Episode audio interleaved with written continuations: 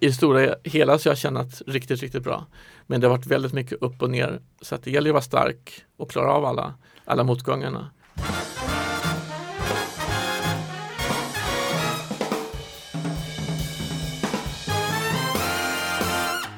Då säger vi välkomna till det andra avsnittet av Bitcoin-podden. Podcasten där vi pratar bitcoin och kryptovalutor och som görs i samarbete med Trio News som är en nyhetssajt som bevakar vad som händer i kryptovärlden och för vilken jag, Christian Plog, är chefredaktör. Idag så ska vi bland annat prata bitcoinhandel med Björn Isberg. Välkommen hit! Ja, tack, tack. Jag har valt att kalla dig för en eh, svensk bitcoinval. Skulle det kunna vara okej? Okay? Uh, ja, okej. Okay. Du kan kalla det för det. Mm, vi ska väl säga för lyssnarna mm. att eh, just ordet val eh, kommer från engelskans whale eh, och syftar helt enkelt till en person då eller entitet som helt enkelt äger en himla massa bitcoin. Uh, ja, en liten val kan man säga kanske. Ja, mm. om man tänker att bitcoin är ju världsomspännande men det var därför jag betonade just en svensk bitcoinval. Mm. Mm, tack. Hur är läget? Ja, det är bara bra så att det är kul att vara här så tack så mycket. Du är varmt välkommen hit.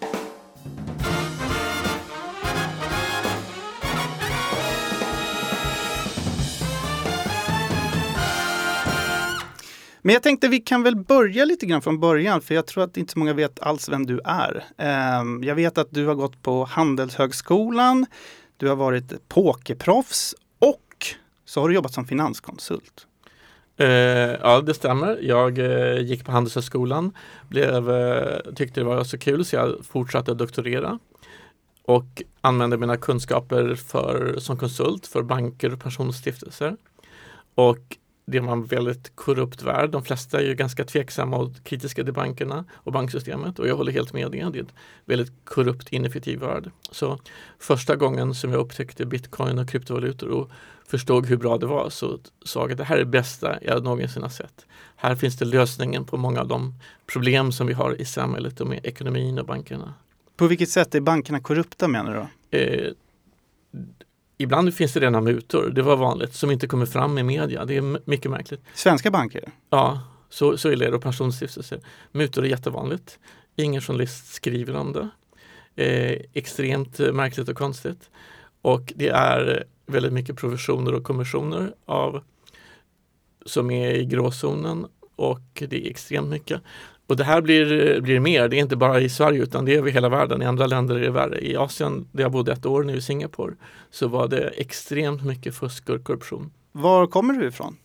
Um, jag är född i Stockholm, har bott i Norrland ett tag men annars har jag bott, jag älskar att resa, har rest runt över hela världen så reser är min stora passion. Och eh, du har varit pokerproffs också, det låter ju spännande. Berätta om det. Ja, precis. Och det var när jag tröttnade på finansbranschen och korrupt och ineffektivt. Då så uh, spelade jag poker som hobby och det blev, gick det bättre och bättre. Så jag insåg att det här det är bättre att sätta på säkra pengar och spela poker. Så det gick jättebra och uh, det var, det var bland det roligaste jag gjort. Så jag spelade poker ganska länge som pokerproffs. Mitt bästa år var jag nummer tio i världen inspelade pengar. Så det var mycket av det jag kände mig på eh, startkapital. Ja. Var det här, eh, det måste varit under stora pokerboomen där 2005 kanske, 2006 eller? Ja precis och det var, eh, jag började innan det så att jag hade börjat ganska tidigt ungefär 2001-2002 började jag online så att när pokerboomen kom så hade jag spelat ganska länge. Så det hade en stor fördel att jag var mer erfaren och hade spelat längre än de andra. Mm. Och det som gjorde att det gick bra i poker att jag var väldigt evidensbaserad, tittade mycket på fakta, statistik och siffror. Det var min starka sida. Och, eh, så evidens och fakta är extremt viktigt medan må många andra gick på känslan. Och det är, det är alltid bra att hålla sig till fakta och evidens. Hur mycket spelade du in då på den tiden? Vill du säga det? Mm, någon miljon dollar, så det var, det var rätt bra. Sen var det en del som spelade in mycket mer men jag räckte till tio topp i världen i mitt bästa år. Och sen så uh, har du också jobbat som finanskonsult. Det ja. låter lite luddigt. Eh, kan du berätta lite mer konkret vad det innebar? Ja, eh, finanskonsult kan vara lite vad som helst men det jag framförallt hjälpte pensionsstiftelser till var hur de skulle placera sina pengar på bästa sättet. Eh, och det var jätteroligt. Det var precis det min doktorsavhandling handlade om. Hur kan man placera pengar på bästa sättet?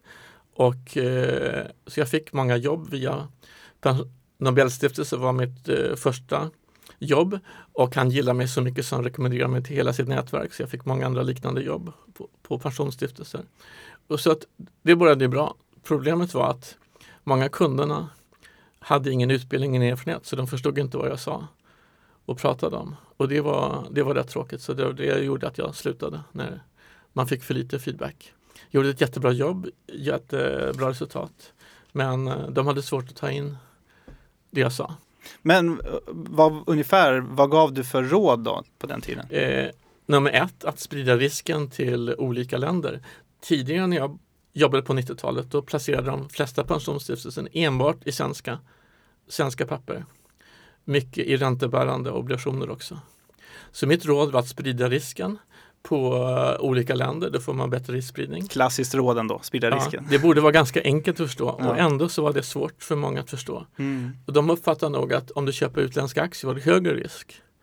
Eh, medan, medan tittar man på noga på statistiken så blir det lägre risk, du sprider risken. Det är viktigt att titta på data. Jag hade mycket data och diagram som jag visade. Det eh, finns väldigt mycket böcker också. Den andra saken man bör sprida risken på att olika tillgångslag, inte bara ha aktier eller räntebärande utan ha olika tillgångslag som metaller, guld och naturligtvis bitcoin också. Ja, det är ett nytt spännande tillgångslag. Ja. Hur kom du in på bitcoin? Eh, jo, det var, ett, eh, det var en bra fråga. Jag gjorde en studie över hedgefond. Jag hade en bra modell för att välja bästa hedgefonderna. Och den överlägset bästa hedgefonden, det var en hedgefond som investerade i bitcoin. Pantera hade en hedgefond. Så den var klart bäst i mitt urval. Och då började jag klia mig i huvudet och tänkte det här var intressant. Eh, men det behöver ingen hedgefond till utan det går att köpa själv på egen hand. Så att eh, det var då jag förstod att bitcoin var nog den bästa placeringen man kan göra som slår aktier och alla andra hedgefonder och idéer man kan ha. Vad gjorde du då? då? Började du läsa på om vad bitcoin var och hur det fungerar? Ja precis, då läste jag på. Det här var på våren 2017 och det var en period där eh, bitcoin började gå upp väldigt mycket. I början på 2017 så hade den gick både bitcoin och alla altcoins gick upp jättemycket. Så att eh, då började jag läsa på och sen började jag skynda mig. Så när, när, det här var en het marknad så att nu var det, gäller att skynda sig och köpa så mycket man kan. Ja, gick du in i början av 2017 så hade du ju en fin resa där fram till eh, årsskiftet. Ja, ja precis. Ja. I april 2017 var det jag började så det, var, det var rätt bra timing. Så hela det året var galet roligt. Vi gick upp jättemycket men det var också många kraschar på vägen som gick ner 30 procent. Så uh, det var det roligaste jag gjort men också svåraste. Mm. Men uh, tradade då, alltså handlade du då bitcoin under det året så fram och tillbaka eller köpte du bara en stor klump från början och sen höll du kvar det? Jag, uh, jag gjorde allt möjligt. Jag kan berätta lite. Det finns väldigt mycket olika saker man kan göra. Det jag gjorde väldigt mycket 2017, vad som var inne då var ju att köpa nya token, Initial Coin Offerings. Just det. ICO, de var ju heta då. Och det är helt enkelt när en liten startup vill ta in pengar så lanserar den startupen en egen kryptovaluta, en token som då folk får köpa och då får de in pengar och sen ska den här tokenen eh, då ha någon slags funktion i, i, framtiden. Men ja, det har gått lite si och så med det sen dess kan man säga. Ja, det var, det var eh, en jättebra sammanfattning och när jag började med det här 2017 då var alla nya token gick jättebra, mångdubblades i priser. Så att det var bara mm, det var bara att gå in och hämta pengarna nästan. Det som hände sen det var att när det gick så bra så kom det många andra som försökte tjäna pengar på det, lycksökare. Och sen kom det rena skammare. Så att i början av 2017 så gick allting bra. Sen i slutet så blev det mer och mer skammare. Så att eh, då gick man på en del nitar och pump och dåliga affärer också. Mm. Och så är det nog för alla som trader att det är alltid en kombination av bra affärer och dåliga affärer. Sen får man vara noga och jobba hårt för att försöka se till att de bra dominerar. Mm. Det känns som att eh, i, i kryptobranschen så är bedrägerier ändå vanligare kanske än i den vanliga värdepappersbranschen. Ja, tyvärr är det mycket, mycket mer bedrägerier också för att det är svårt att spåra. Man har en global marknad så har det varit rätt mycket tråkiga historier tyvärr. Så att vad man än gör är det väldigt viktigt att vara försiktig, göra sin research. För det är jättemycket bedrägerier och skammar av olika typer.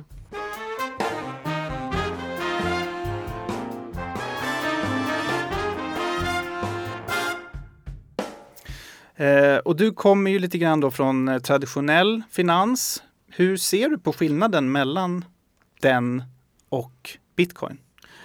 Ja, det var en bra fråga. Egentligen så är ju precis allt annorlunda. Eh, bitcoin och krypto, där går allting mycket snabbare.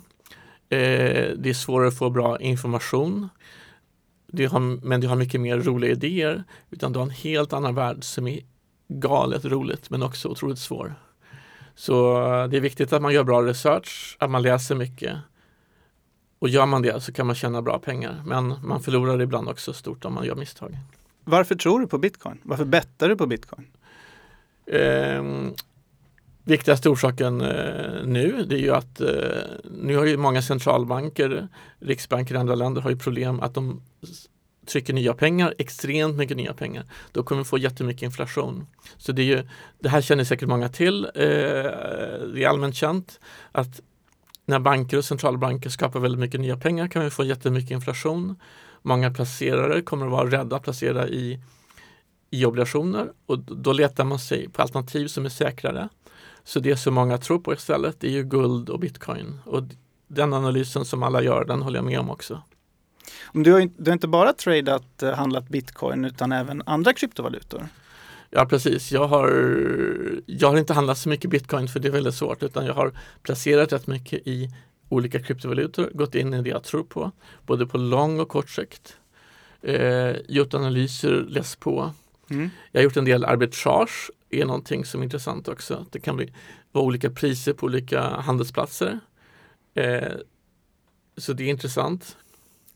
Men det är också Vad är arbitragehandel då för den som inte vet? Arbitrage är att du kan köpa billigt på en plattform som har ett pris och sen kan du sälja dyrare på en annan. Att man och, drar nytta av skillnader i pris mellan två olika ställen så att säga. Ja, ja. och som exempel eh, så den tokigaste jag sett var på Bitcoin när de lyssnade den på Binance. Då var priset på, på Bitcoin på Binance var tio gånger högre än på andra ställen. Så du kunde köpa det på en sajt och sen kunde sälja det till tio gånger vinsten på Binance.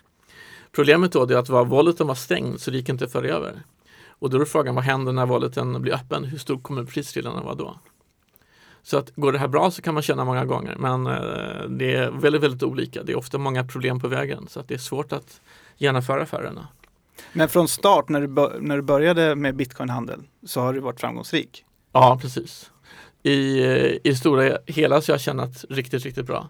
Men det har varit väldigt mycket upp och ner. Så att det gäller att vara stark och klara av alla, alla motgångarna. Och, du... och lära sig av dem framförallt också. Att lära sig av alla misstag man gör och gå vidare. Då blir man duktig. Hur hanterar du de här stora, volat, alltså att priset går upp och ner så kraftigt som bitcoinpriset gör? Hur, ja. hur tänker du rent mentalt där? I eh, poker om jag känner det dåligt så försökte jag ta en break och göra någonting annat. Och det är samma sak i bitcoin också, att om det går dåligt så är det bra att ta en liten break. Framförallt träna, det var ett råd som, som jag gav alla mina kompisar. Träna, eh, spring eller gå till gym eller någonting, för då mår man alltid bra och då, då tänker man på någonting annat.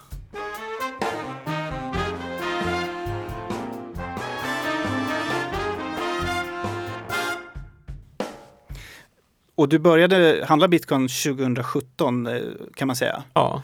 Och det året gick det ju väldigt bra. Men sen toppade ju bitcoinpriset slu i slutet av 2017 på nästan 20 000 dollar och sen dess och efter det så gick det ner och sen har det gått upp och ner och, och idag ligger det på runt 11 000 drygt. Eh, så man kan ju säga att vissa, vissa som köpte bitcoin för många, många år sedan, kanske åtta år sedan, 2011 kanske, så har ju bitcoinpriset gått upp väldigt mycket. Och då har ju de varit framgångsrika, fast de har inte tradat på samma sätt. Eller hur? Man kan inte jämföra det på samma sätt. Du har ju, du har ju mer liksom akt, en aktiv handel. Um, ja, precis. Och jag har både hållit på lång sikt och handlat. Så jag har ju kombination av olika strategier. Mm. Att pröva sig fram. Uh, jag har prövat det mesta. Men eh, att hålla, att de som gick in tidigt och köpte, det är klart att de har gjort det överlägset bäst. De som insåg det här tidigt det, de, det är verkligen imponerande, de som kunde se, se, se, så det tidigt. Men om du började komma in i, under våren 2017 när bitcoin verkligen var på gång och sen toppade ut där vid årsskiftet ungefär. Sålde du av då på toppen? Eh, det gjorde jag tyvärr inte. Och så här skulle jag vilja säga att, att köpa det som är bra och hitta de här trenderna och gå upp. Det är, det är mer att följa med trenden. Det svåraste som finns med all handel, det tycker jag är att kunna sälja i tid. Det tycker jag är överlägset svårt. För det finns, det är nästan omöjligt att säga när toppen kommer. Eller om det, ofta blir det så att när någonting går upp väldigt mycket så blir det en bubbla, det går upp för mycket. Men att försöka hitta toppen och när man ska sälja, det är det överlägset svåraste. Sen rent psykologiskt så är det svårt att sälja någonting som går upp väldigt mycket. Man tjänar pengar varje dag. Det går jättebra, man eh, känner sig att det här är jättebra. Så tycker jag att även om jag tänker efter, när ska man sälja? Så är det jättesvårt att hitta. Så jag har tyvärr har jag missat att sälja på toppen. Men det är ganska svårt också ska sägas. Ja, det är väldigt, väldigt svårt. Men eh, de som har lyckats sälja på toppen, det är imponerande, det är bra. Men, Men om man säger att man tror på tillgången som bitcoin fundamentalt då. Vad, vad, tycker du om en strategi som köp och behåll eller köp och glöm bort? Varför måste man sälja? Eh, det är en väldigt bra fråga. Att, att köp, köpa och hålla, det är det de flesta gör och det är också, tror jag, en av de bästa strategierna. Och det här är viktigt att säga att forskningen visar att nästan alla som handlar tyvärr förlorar pengar. Så 90-95 procent av alla som handlar aktier förlorar pengar. Det är förmodligen liknande siffror på bitcoin. Med förlora menar jag jämfört med hålla. Så, så slutsatsen av det är att den bästa strategin är att köpa och hålla på lång sikt. Och det gäller både aktier, bitcoin och allting annat. Man ska, eh, inte, eh, man ska inte försöka vara smartare än marknaden. Det är nej, väldigt svårt. Det är väldigt, väldigt svårt. Jag har lagt ner just det som är speciellt för krypto är att den här marknaden är inte 100% effektiv. Det finns många ineffektiviteter som jag har jobbat mycket för att hitta. Så det går, men det är oerhört svårt. Det är oerhört svårt och oerhört mycket arbete. Vad tycker du om teknisk analys? Att man försöker dra slutsatser utifrån hur kurserna går? Så att säga. Ja, det är en bra fråga. Teknisk analys är jättepopulärt, många som tror på det. Jag är rätt kritisk till teknisk analys. Jag har hört att det, det kallas för astrologi för män. ja, det är en, eh, det är en eh, bra jämförelse. Så att det finns väldigt många som tror på teknisk analys. Det finns nästan ingen evidens på att det skulle fungera. Det finns många studier som visar att det inte fungerar. Sen finns det en annan som visar att det fungerar, men i det stora hela är evidensen väldigt osäker. Ett argument som jag eh, har hört flera gånger är att i teknisk analys så sitter det massa människor och följer graferna och, och kurserna på kryptovalutorna i det här fallet. Och sen så försöker de dra slutsatser och, och, olika linjer och grafer om hur priset ska gå och sen handlar de därefter. Men jag tänker att om tillräckligt många människor sitter och gör de här grejerna samtidigt och drar samma linjer, blir det inte någonstans en självuppfyllande profetia i någon mån? Ja, det är det de som tror på det här säger det. Men lite grann kan man säga att om man är snabb och går in, då kan man nog tjäna pengar. Men de som kommer lite för sent, de förlorar ofta. Men eh, ett sätt att se på teknisk analys det är att se hur går det för dem som tror på det här och handlar. Och de flesta kompisar jag känner som har hållit på med teknisk analys, de har nästan förlorat nästan allihopa. Eller så kan man titta på den stora stjärnan på området, Tony Weiss, som, har, som är otroligt känd, eh, som många gillar som håller på med analys. Han har inte gått bra själv. Så att. Han är väldigt känd i bitcoinvärlden i alla fall, Tone Weiss, eh, precis. Ja, mm. men han skrev, skrev på Twitter att han fick åka buss till flygplatsen för att han hade gått så dåligt på handel så han hade inte råd med mer.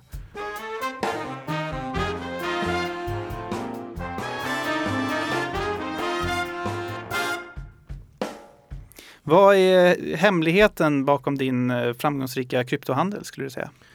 Jag, jag försöker läsa och lära mig så mycket som möjligt och, och, eh, och tittar på evidensen och lägger ner enormt mycket tid på att försöka lära mig allt jag kan. Så det tror jag vad man än gör. Man måste lära sig allt man kan och det är svårare att hitta rätt källor vad man ska läsa in sig på. Det, är, det finns ingen riktigt bra bok på krypto. Jag tittar på det mesta och bläddrar till det mesta. Det är svårt att hitta någon bra bok. Det är svårt att veta vem man kan lita på. Så det man bör göra tror jag det är att titta på väldigt många källor. Och eh, det här gick bäst nu, det var för mig, det var i somras, då gick det oerhört bra.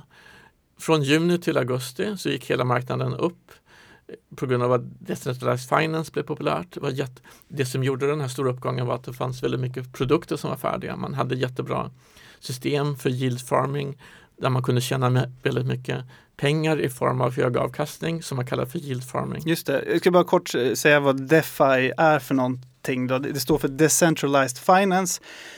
Och ja, man kan väl säga att eh, det består av olika projekt då, som är baserade på ethereums blockkedja genom tokens då, och som möjliggör finansiella produkter som lån eller bettingmarknader eller så. Och det är liksom med hjälp av så kallade smarta kontrakt då som finns på ethereum.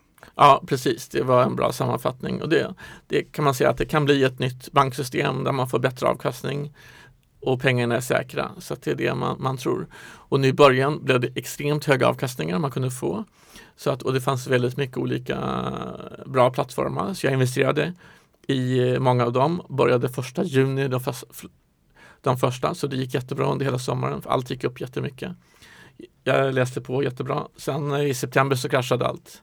Så jag, 10 procent sålde jag på toppen precis eh, dagen innan kraschen. Men man önskar man sålde lite mer. Jag funderar noga om man skulle sälja mer. Men, men, eh, men i alla fall totalt så blev det riktigt bra. Totalt gick det riktigt bra i alla fall. Så det funkade att läsa på. Så det jag gjorde att jag försökte följa med alla de kända influencers som skriver om det. Väl, väldigt många som var duktiga skrev jättemycket på Twitter. Så det var framförallt Twitter jag tittade på. Telegram är en bra källa som eh, för information och även Discord. Så att eh, det beror på hur mycket man hinner. Det tar mycket tid att läsa på så att det kan vara svårt att hinna med alla källorna. Hur tänker du kring eh, riskhantering? Eh, det är en bra fråga också. att jag tror man ska säga så här att det finns en del som tar med, handlar med leverage, 10 eller 100 gånger leverage. Vad betyder det? Eh, att man har terminskontrakt mm. där man där man kan handla för mycket mer än vad man har pengar. Man satsar en liten summa sen, sen så kan man exponera sig för tio gånger mer eller hundra gånger mer än man har. Det är ett slags lån kan man säga. Ja, lite grann som ett lån och det är många som gillar det men eh, det är extremt svårt och tar man höga risker så är det lätt att förlora allting. Så på BitMEX ska man trada på FTX. Jag har inte gjort det själv utan jag, jag tradar helt utan lån och det tycker jag är det svänger mycket som det gör så att det kan ju gå ner på 10-20% på en dag eller ibland mer.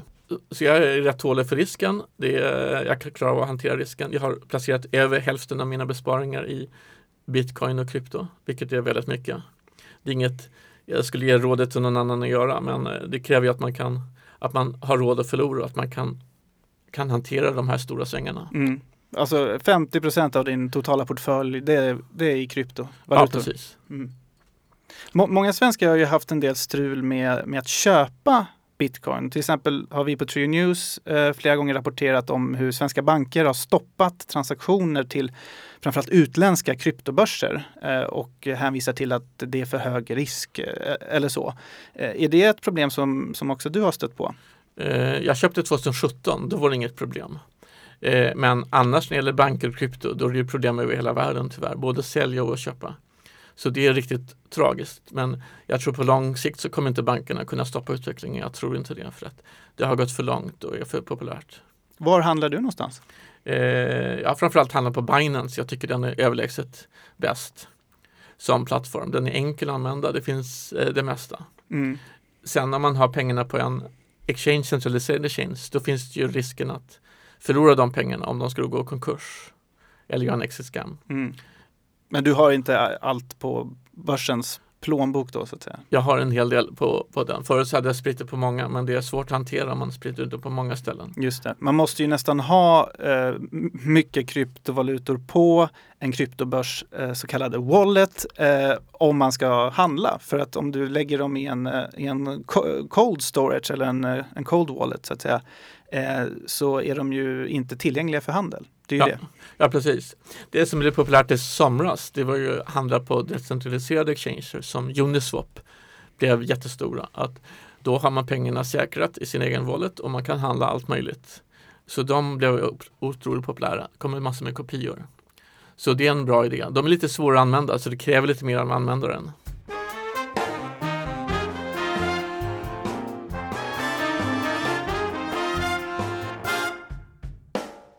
Om du får ge ett tips då när det kommer till eh, trading med kryptovalutor, vad skulle det vara?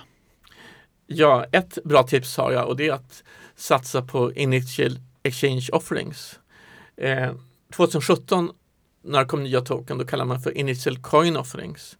Och där var många skammar. Det som, utvecklingen som hände sen det var att en del exchanger de listade nya coins och då hade de kontrollerat att de här token var någorlunda seriösa, att det inte var rena skammar. Så det har funkat jättebra. Och den som har funkat överlägset bäst var på Binance. De listar nya token en gång per månad ungefär. Och alla de nya token har gått upp jättemycket mellan 100% till upp till 900%. Så det är riktigt, riktigt bra investeringar. Det är säkra pengar. Det finns ingen som har förlorat.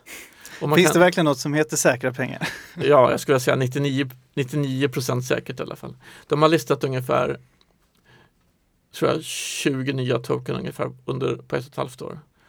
Och i snitt så har de gått upp 300% ungefär, mellan 100% och 900% Så det är verkligen är säkra pengar. Men det finns en gräns för hur mycket man kan köpa. Så att, eh, det är ett lotteri, om det är flera som vill köpa så de inte har token till alla så eh, lottar de ut dem så man får en ticket. Så om man har, köper max vad man kan så kan man få typ tjäna två, få köpa för 200 dollar är det vanliga. Okej, okay, så det är ungefär, ungefär som en eh, IPO då i aktievärlden? Ja, precis, om det är väldigt högt tryck så blir man tilldelad, eller om man ens blir tilldelad en liten postaktie. Men, ja precis, det är i princip som en IPO, en ny introduktion och de har också varit lönsamma. Mm. Men eh, får man köpa för 200 dollar i snitt och sen så går de upp nu ungefär 150 procent brukar det vara. Så det kan man tjäna 300 dollar ungefär. Så att det är ganska bra när det är lite arbete och liten risk. Mm. Det tar inte lång tid att hålla på med.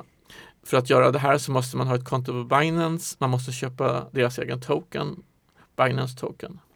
Men om man skulle säga att man är lite nybörjare då, är det här någonting man ska ge sig in på eller ska man börja med bitcoin kanske? Om man är nybörjare så tror jag att det bästa är att hålla det på lång sikt. Köpa en position av bitcoin och ethereum och hålla dem på lång sikt. 50, 50 var kanske. Det är en ganska enkel strategi som är ganska säker. Mm. Men jag, jag, menar så här, ska man titta på så kallade altcoins eller shitcoins som vissa säger? Eh, jag tror det, men eh, det här råder delade meningar om. De som tror på bitcoin, de tror att de andra är skräp. Jag tror på altcoins, att det är många som är bra, men då fordrar att man gör noga research av dem. Köper man de stora altcoins, då är de rätt seriösa. Köper man de små, då är det väldigt, väldigt osäkert. Vi ska säga det också att historisk avkastning inte är en garant för framtida avkastning. Ja, precis. det brukar stå på alla nätmäklares eh, i, i fotnoten. Sådär. Mm, precis, det är lagkrav att de måste skriva det också. Är det det? Ja, ja, jag tror det. Jag tror inte att det är lagkrav i en podd, men jag säger det ändå. Ja, okej, okay, det är bra. Du, vad tror du då om framtiden för bitcoin? Ja, det är en, och kryptovalutor överlag? Det är en bra fråga. Jag, eh, jag tror att bitcoin kommer att gå upp eh, mycket. Det kan gå upp till 100 000 dollar eller mer, att vi kan få se tiodubblingar på grund av att ekonomin har så stora problem mer och mer privatpersoner och företag köper bitcoin för att man ser att det är ett bra alternativ för att placera pengarna säkrare. Och så mycket frihet, det finns många andra fördelar med frihet. Folk som flyttar från Hongkong eller andra länder som kraschar, då är bitcoin ett bra sätt att flytta pengar. Så jag tror att bitcoin kan gå upp väldigt mycket. Men det är bra att hålla det på lång sikt. Jag tror det är bra att köpa nu och hålla det på några års sikt så tror jag vi kan få se riktigt stora uppgångar. Förutom eh, tradingen, har du något annat spännande projekt på gång? Eh, jag eh, håller på att starta en plattform för investeringar som, eh, som jag jobbar hårt med. Det kommer ta ett tag innan jag är klar med allting men eh, det kan berätta någon annan gång när jag är klar sen. Att hitta de bästa fonderna i tanken, att hitta de bästa fonderna i traditionella världen. Spännande. Mm. Svenskt bolag då eller? Eh, nej, ett krypto. Det tänkte jag basera på krypto, göra globalt. Väldigt mycket finans är ju lokaliserat till ett land. Man bara får vara aktiv inom det landet, måste ha ett licens. Tanken är att göra det här en produkt globalt och öppna upp marknaden. Det är, det är idén. Och det är hela idén med kryptovaluta. Man vill att det ska vara helt globalt. Ja, just det. Men krävs inte licens i vissa länder ändå om man ska verka där så att säga? Ja, och det, licensen är ett problem. I princip måste man ha licens för varje land. Sen är det många kryptobolagen, de har inga licenser. Jag har kontrollerat, jag har frågat dem vilket, hur de har löst det problemet och de flesta har helt enkelt ingen licens. Så det var, gäller vara, um, att hitta några bra lösningar på det problemet. Det, det håller jag på att titta på och undersöka hur man ska hantera problemet. Så det är svåraste problemet att lösa. Du, jag har en grej som jag alltid frågar alla gäster då som kommer till Bitcoinpodden. Eh, så ska vi göra en sammanställning sen, men det är om Bitcoins framtida pris. Och då har jag satt eh, ett datum, 31 december 2021. Hur mycket kostar en bitcoin då?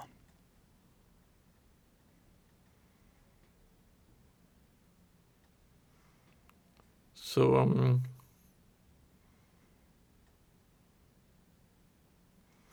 22 000 dollar tror jag. Okej, Mm. då får vi följa upp det sen då och se hur nära du kommer. Ja, Okej, det ska bli spännande. Men du, tack så himla mycket för att eh, du kom hit idag, Björn Isberg. Ja, tack för bra frågor, tack. Och tack även du som har lyssnat på Bitcoin-podden. Har du synpunkter eller kanske förslag på gäster som kan vara med här? Eh, tveka inte att höra av dig till mig. Min mejladress är christian.plog trio.co. Följ oss gärna på Instagram också, där vi har startat ett konto som heter Bitcoinpodden, helt enkelt. Och så hörs vi nästa gång. Ha det bra till dess. Hej!